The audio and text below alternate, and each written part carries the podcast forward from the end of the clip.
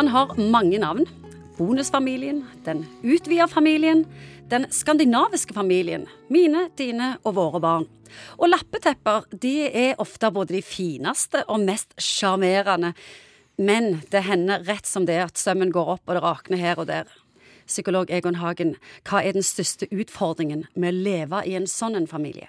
Jeg tror utfordringene er litt forskjellige, litt avhengig av hva perspektiv du har.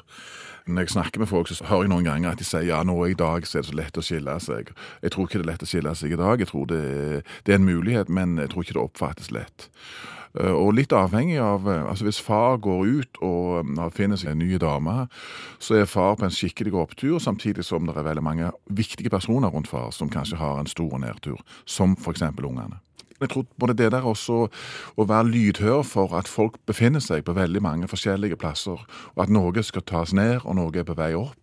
Og at mm, fars entusiasme ikke nødvendigvis, bare for å holde det perspektivet, ikke nødvendigvis deles av ungene. Å kunne se at her er det folk som befinner seg på en helt, helt annen plass enn det du faktisk er. For å være konkret, det er mye en skal bli enige om. Oppdragelse, bruk av tid, samvær, penger.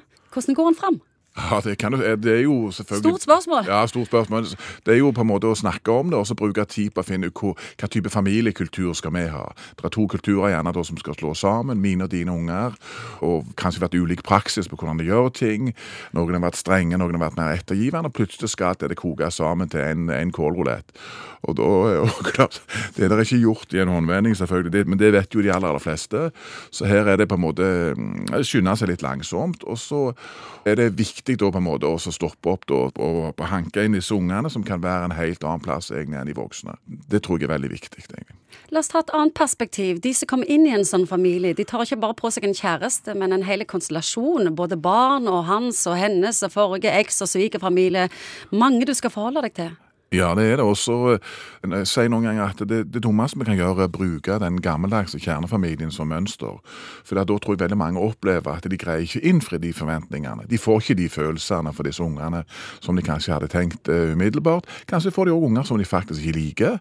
Eller de må forholde seg til en oppdragelsestradisjon som er veldig forskjellig fra det du sjøl hadde liksom lagt an til.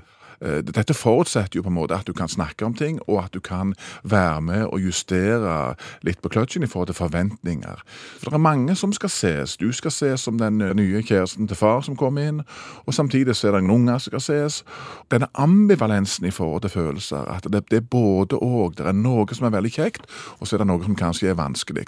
Og så får du ikke den automatiske drahjelpen. Det å være bonusmamma er på en måte en annen rolle andre forventninger til, og du må kanskje risikere å stå i mye avvisning. De vil ikke ha noe med deg å gjøre. Og det kan være ganske tøft når du egentlig føler at du strekker deg alt det du kan for å komme denne nye familien i møte. Ikke tenk så mye slekt og de tingene der. Prøv mer å koble dette opp til relasjoner. Hva muligheter ligger i denne relasjonen? Og så er det selvfølgelig alle de tingene med å gi tid til det. For Rom ble ikke bygd på en dag. Og det når det er så mange ambivalente følelser, som det ofte er i en sånn en oppbrudd, uh, ny start-greie, så, så, tror jeg at vi må, vi må, skynde oss litt langsomt, og ikke ha for høye forventninger for tidlig på at nå skal vi liksom ha den koselige tacofredagen. Gi det tid. Gi det tid, tror jeg, tror jeg er et uh, godt tips.